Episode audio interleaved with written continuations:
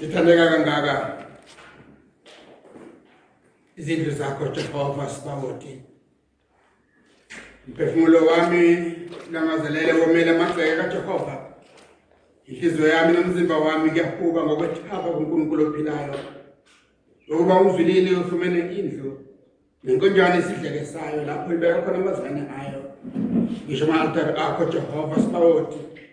Nkosi yami uNkulunkulu wami abosisiwe abahlala abahlala endlini yakho. Bayawuhlala bebonga wena. Ubusisiwe umuntu omandla akhe akuwe abazindlela zakho sezinhlizweni zabo. Amen. Sizolivela egameni kaJehova wezizwe nomhlaba nogcina iqiniso ukuze phakade akube kini umusa nokuthula okuvela kuNkulunkulu Baba nasenkosini uJesu Kristu osifunisile ukuphila sithi baba wethu esezulwini angcwelise igama lakho buso wakho mawufike yando yakho mayenziwe emhlabeni njengasezulwini mawusiphe namhlanje na isinkwa sethu. Semihla nemihla. Usithelela amacala ethu. Abanani sibathethelela abanamacala kithi. Ngasingenise ekulingweni kodwa sinise kokubi ngombuso wakho namandla nobukhosi kuze phakade. Amen. uNkulunkulu maka kubusise aphakamise ubuso bakhe kithina. Makakhanyise ubuso bakhe phezukwethu ukuze indlela yakho yaziwe emhlabeni. Insindiso yakho kubo bonke abezizwe. Abantu mabakubonge uNkulunkulu mabakubonge abantu bonke. Izizwe mazijabule. Zithabe ngokuba izizwe uzahlulela ngokulunga. Uzihole izizwe emhlabeni. Abantu mabakubonge uNkulunkulu mabakubonge abantu bonke. Umhlaba uthelile izithelo zawo. uNkulunkulu uNkulunkulu wethu uyasibusisa.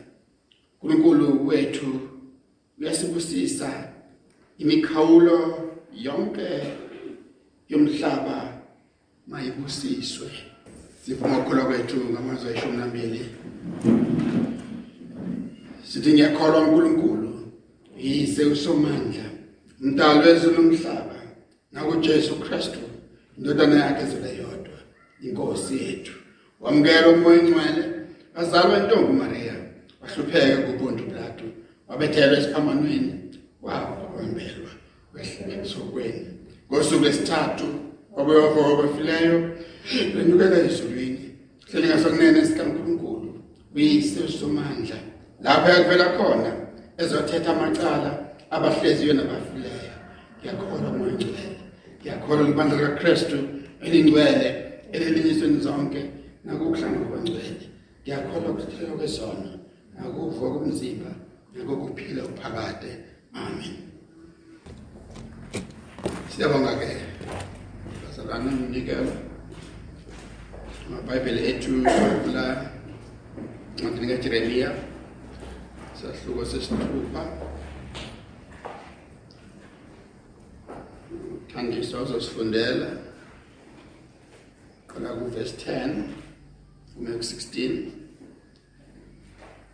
sivele empogweni konzo sifundela sathuka sesithupha kujeremiya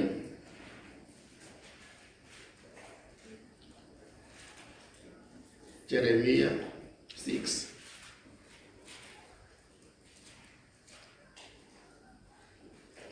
ngalo siqala siqalele verse 9 kume ku-16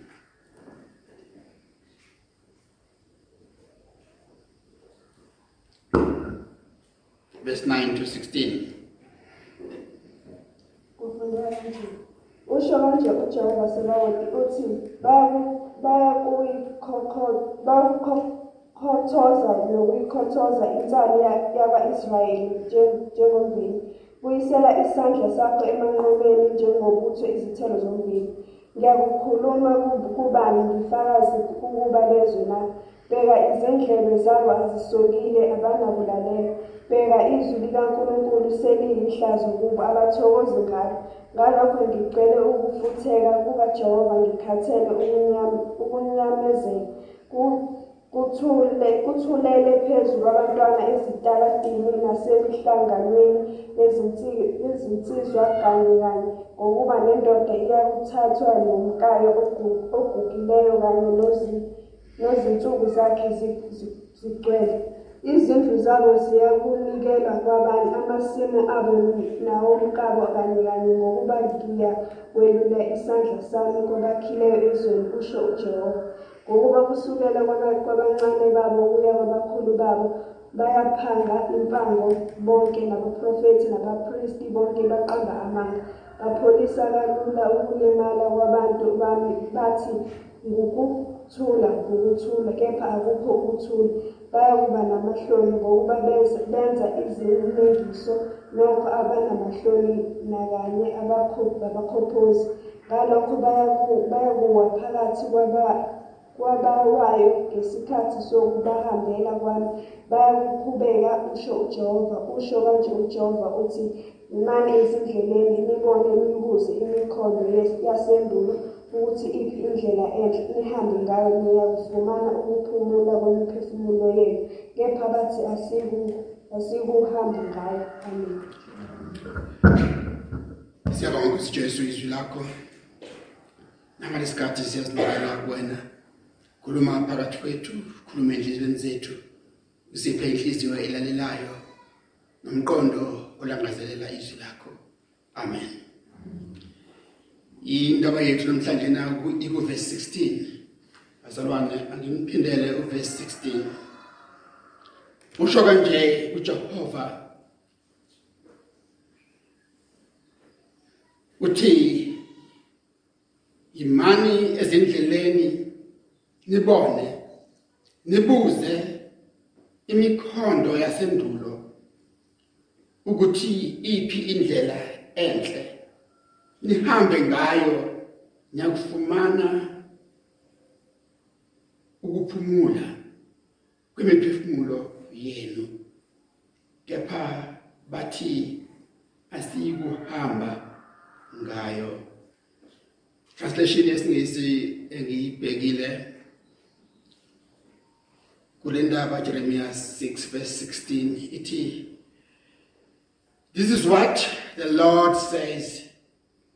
Stand at the crossroad and look ask what the path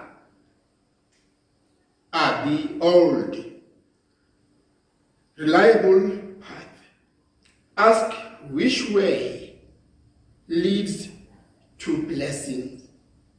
Leave that way and find a rest place for yourself. But you said that you wouldn't leave that way. Ngiyanibingelela ke bazalwane ama member church council akhona lana bazalwane bonke esinabo ngibingelela egameni elihle lenkosi uJesu Kristu amen Sicela ukufunda amazwi angemnandi kakhulu. Mubhekile kahle la siqale khona ukufunda. Umprofeti ukhuluma izwi likaNkuluNkulu. Izwi likaNkuluNkulu elinokusola elinesijeziso phakathi. Uthi bayakukhothoza nokukhothoza insali yakwaIsrayeli njengomvini. Bayokubhekisisa babhekisise bachoshe nokuseleyo. Bafake isandla sabo emaqomeni babheke ukuthi akusalanga lutho yini.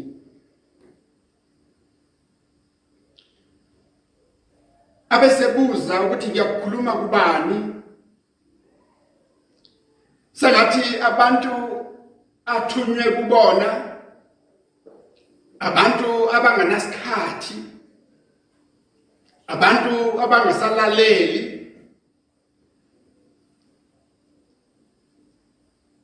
Abasafuni ukubeka indlebe yabo ekulaleleni ukuthi bheka izindlebe zabo azisokile.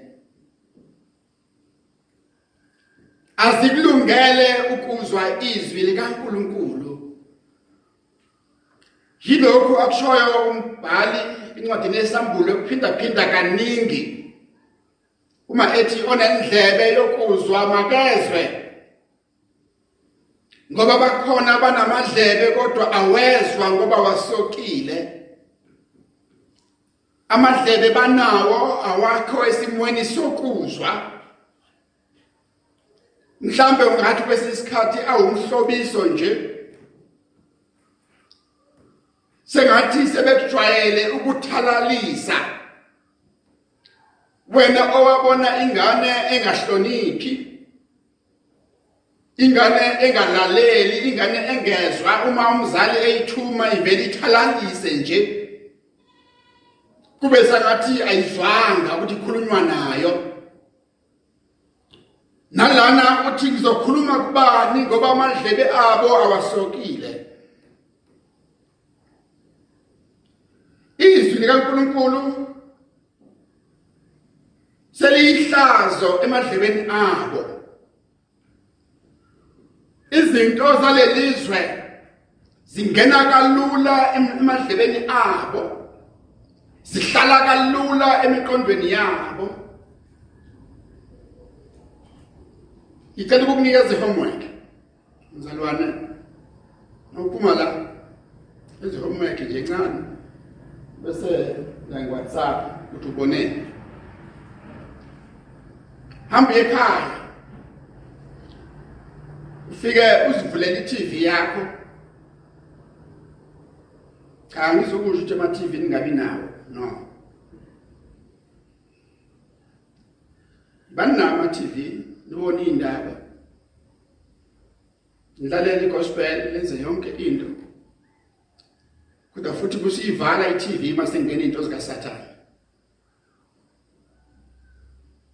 ngoba ziningi zona kunezinye izinto. Kodwa nathi homework hamba ekhaya ufike uhlale ubuka iTV nabantwana bakho. Vule noma yiphi channel evulekayo. Noma yomdanso noma umqashiye noma yini ube subuka ireaction yezingane zakho bese uyishintsha i-channel vula one gospel noma yiphi ke i-channel ezobe inenkonzo bese ubabheka futhi labantu ohleli nabo endlini ukuthi i-reaction yabo injani bese uyangitshela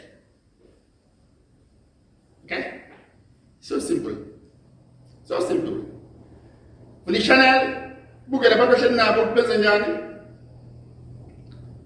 channel ejwayelekile nje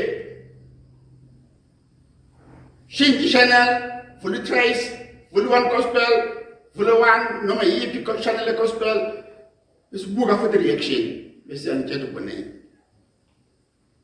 okay? Bheka izindlebe zabo zisokile abanakulalela bheka izwi likaNkuluNkulu seliyihlazo kubo. Abathokozi ngalo.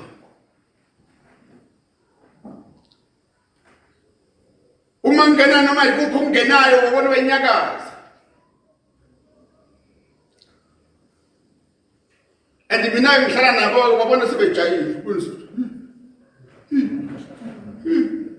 ngisho into engiyibona mina lapha ekhaya nayo izolo bengiyibona Shiki Chanel, very gospel. Devela suma hanzi. Kodwa nike yakho homework.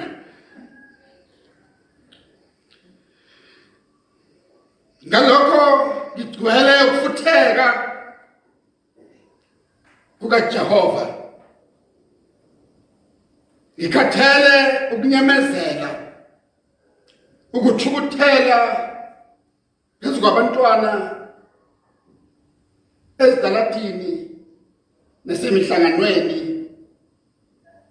ezinsizwa kanye ngokuba nendoda iyakuthandwa ngakho. Bonke abantu bayafana ezidaladini ingakho uNkulunkulu eletha iadvice yakhe ukuthi izwi lakhe alisalalelwa. Kodwa inkinga ilana izindlu zabo zikuhlalwa umuntu izindlu zabo ziyakuphelelwa isikhathi.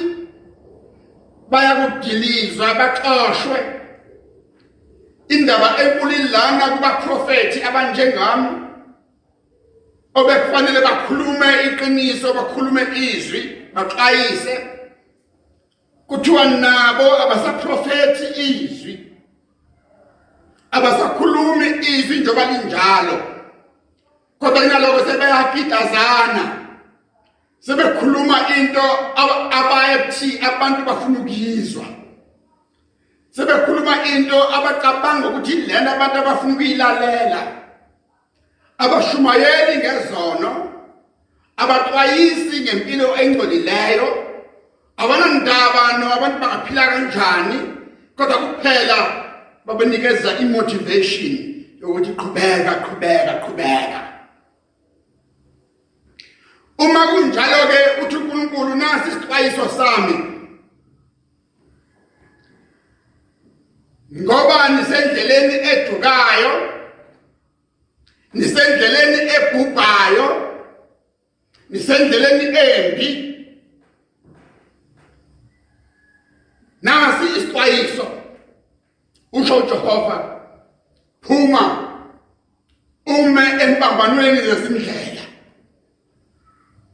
sengathi ukhuluma kubantu abadukile abantu abaconfused abantu abangazi ukuthi bazokwenza njani? Of course abantu balesikhathi ba confused izwe yalithanda ibo.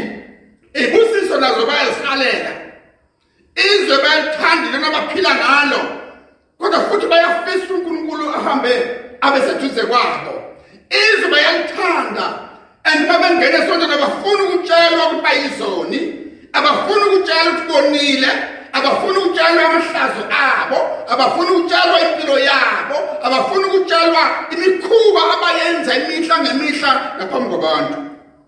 Bafuna ukutshelwa? Kunalokho bathi uyahlulela. Sekuseleka kancane-ke manje ukuthi bavele bangiqonda bathi bona wena awushumayeli yasihlulela sekuseleka kancane basho njalo. Kungcono bangaqali ngoba mase besho njalo zibakhomba indlela hamba hamba kini wena. Amen. Ngoba izwi kaNkulunkulu fanele silikhulumele njani? Linjengoba linjalo. Amen. Uma besafuna ukukhuza uma bengakhuzeki asizuba blasha asizubateketisa asizokushaya kungcwele noma ungengcwele uma behluleka bethi bayahlulelwa hamba kini kuyoba qali-ke ngawe abanye basho basho baze bathi ngiyabancikisela ngiza kuncikisela ngombuso kaNkulunkulu. Amen. Ngiza kuncikisela ngombuso kaNkulunkulu ngoba akuyona intando yomuntu kodwa intando kaThixo okufuneka yenziwe. Awuzokwenza intando yami kodwa unokwenza intando kaNkulunkulu. Phumela estradini stand on the crossroad and look.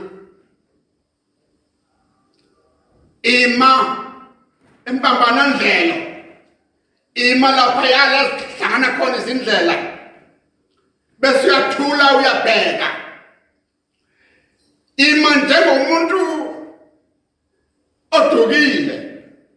Ima njengomuntu oyisihambi othi konje iyiphi indlela efuna ngiyithathe? Iyiphi indlela efuna ngihambe ngayo? Ima bese uyabuza lithi iBhayibheli ungabuzi nje kwantanga yenu buza kubantu abadala. Amen. Buza kubantu abadala. Buza indlela nemikhondo yasendulo. Mikhondo yasendulo. Indlela ababephila ngayo abantu abadala. Indlela ababekhuluma ngayo abantu abadala. Cha hayi abantu abadala nje. Kodwa abanjengoMose Deuteronomy 32 verse 7 buza lezo zinto. Zinto zakudala incwadi kaJobe isahloko 8 verse 8 incwadi kaJobe isahloko 22 verse 15 zindlela zaqala ngoba abazalwana siphethe uNkulunkulu omusha. Asiphethe uNkulunkulu ofika ngesitayela asiphethe uNkulunkulu wamanje. Kodwa siphethe uNkulunkulu wakudala.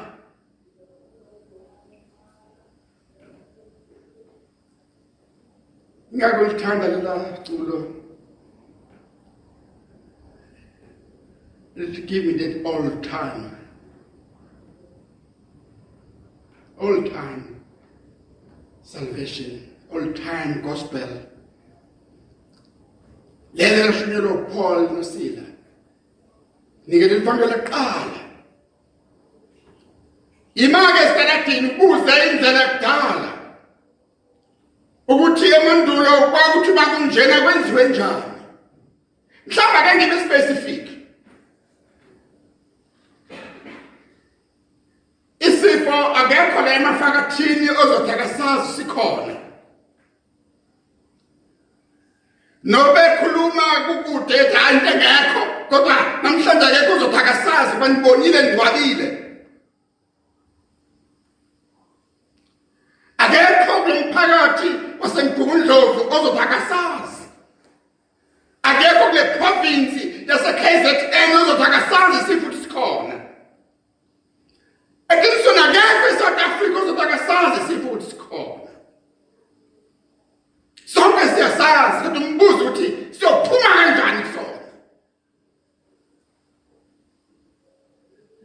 buza indlela yabasendulo ezimweni ezinjena abantu bakudala baphuma kanjani ezimweni ezinjena oPaula oSaula oDavid badlula kanjani kusona ngoba nabo bafika bayisimo esinjalo that is why ithi ima emhlukana ndlela. Buza indlela kaNkuluNkulu. Buza intando kaNkuluNkulu. Kwenzekani okunjena? Zola izikholo edala ithi kuyakhulekwa kuziyela ukudla. Kufunwa intando kaNkuluNkulu. Amen. Yakhulekwa kuzila ukudla. Kufunwe intando kaNkuluNkulu. Simtshele uNkulunkulu ukuthi ulaka lwakho alingaweli phezulu sivume izono zethu. Sivume izono zesizwe. Sivume nezono zobaba omkhulu njengoba Daniel 9 esho. Ibuza ukuthi iphi indlela entsha? Sifuna indlela emhlophe. Sifuna indlela enokuthula. Sifuna indlela enokuphila. Sifuna indlela eqiniso and uJesu ushilo thina uyindlela uyiqiniso ukuphila. Noma umuntu okujwayele ukufunda incwadi yezaga uyazi izaga 12 izaga 16 zikhuluma ngendlela eyodwa. Zithi khona indlela ebukeka inhle phambi komuntu kodwa isiphetho sayo indlela zokufa. Kungenzeka ukuthi sihambe ngezindlela zethu. Kungenzeka ukuba sihambe ngendlela edukisayo. Kungenzeka ukuba sikukhonzanga uNkulunkulu ngeqiniso. Kungenzeka ukuba siyenzanga intando yakhe. Kodwa manje sibuyele kuJehova. Sibuyele kuNkulunkulu wethu. Yakwenza ukuthethelwa kube kukhulu uyakwenza ukusindiswa kube kukhulu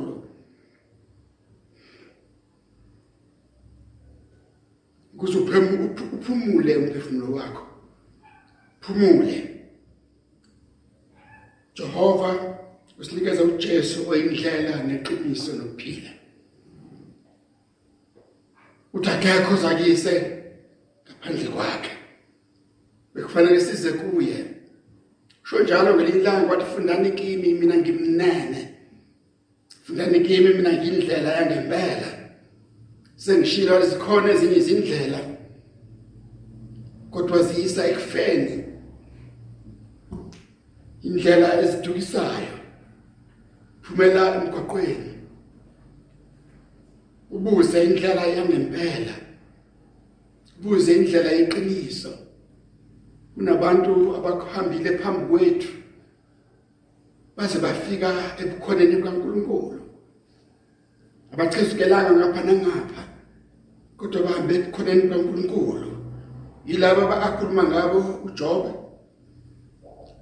encwadini yakhe yilabo akhuluma ngabo uMose kuDeuteronomy yilabo ekhuluma ngabo eBhayibheli kodwa nayinkinga bathandekayo sengiqeda nayinkinga. Lo line ugcina lapha yana lamazwe siwafundile uyinkinga. Kepha bathi asikuhamba ngayo.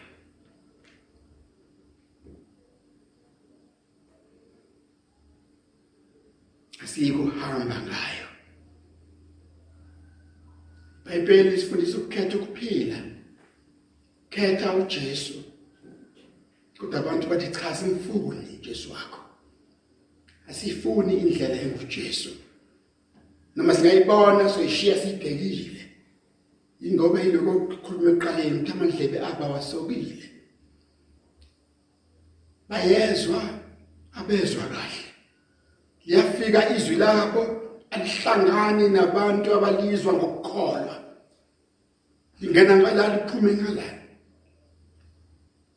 bayabona amandla kaNkuluNkulu kodwa abafuni ukwathatha bathi cha sikuhamba ngaleyo ndlela. Asiyifuni. Asiyifuni. Bakhethe indlela yabo enqamlelayo bakhethe indlela yayo yabo eyisa ekufeni. Bakhethe indlela yabo ebadukisayo.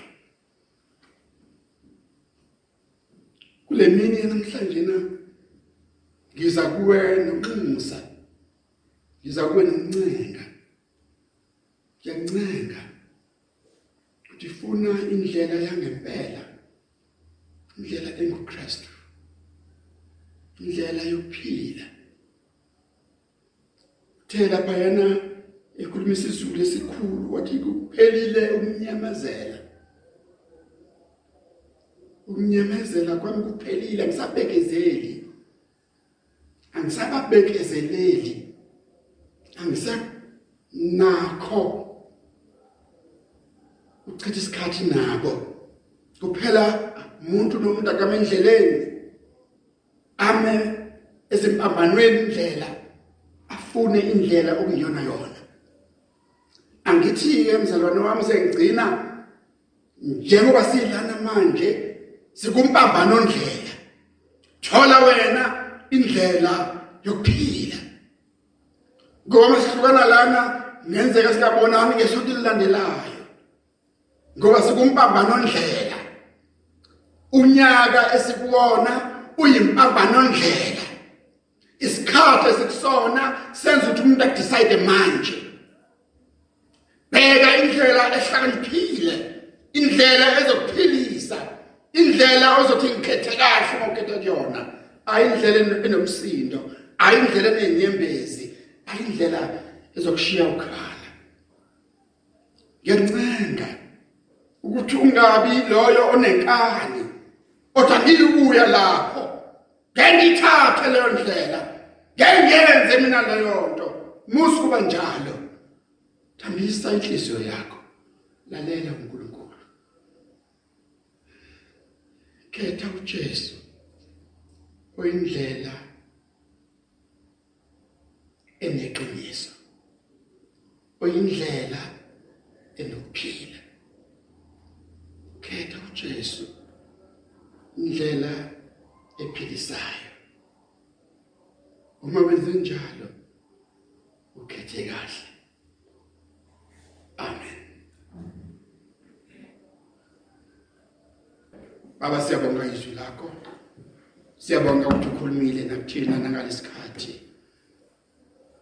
Siyabonga. Sifuna ukuma ezimpambano ndlela bese wena usiluleka ngendlela ephilisayo. Indlela eyiqiniso indlela ewukuphila indlela enguJesu. Izwi lakho Nkosi alibe siyisipane enyaweni zethu libe kukhanya endleleni yethu yonke. Ngabe phuma abazalwane manje ilona lo endlini yakhe. Isibuso sakho masibe phezulu kwakhe. Isibuso sikayise nesindodana sikamoya ngcwele qinisa imizimba yabo bavikele kule mkhuhlane nakulezi nakulezi zifo. Angabe bikho kubona zokugula kodwa kubilona lo aphile kuzafakaze ngawe amabazi inkazimulo yakho. Gcina abazalwane bethu bonke izindaweni zonke bakhonza kuzona. Gcina ibandla lakho emhlabeni wonke. Susa nkosi lesi sifo asikabe sisaba khona phakathi kwethu. Asikabe sabizwa nangegama phakathi kwethu. Sekwenele inkosi ukukhala sekwenele inkosi ukuhlukumezeka kwesizwe. Siyacela egameni kaJesu ba phakamise isandla sakho. Ibake nalabo bashiwe ihlobo zabo kube nalabo abagulayo besezibhedlela abasebenzi bezempilo bonke. Kube nohulumeni bezwe lakithi baphe umqondo okhaliphile ukuba unqandeke ukugula kwabantu. Sibusise sixolele zonke phambi kwezethu ngoKristu Inkosi. Amen. Musa Nkosi yethu Jesu thanda likababa uNkulunkulu hlanganyelo kamoya ingcwele wena nonke gcina kulandela waze unifikele azafika uJesu Kristu Inkosi yethu. Amen.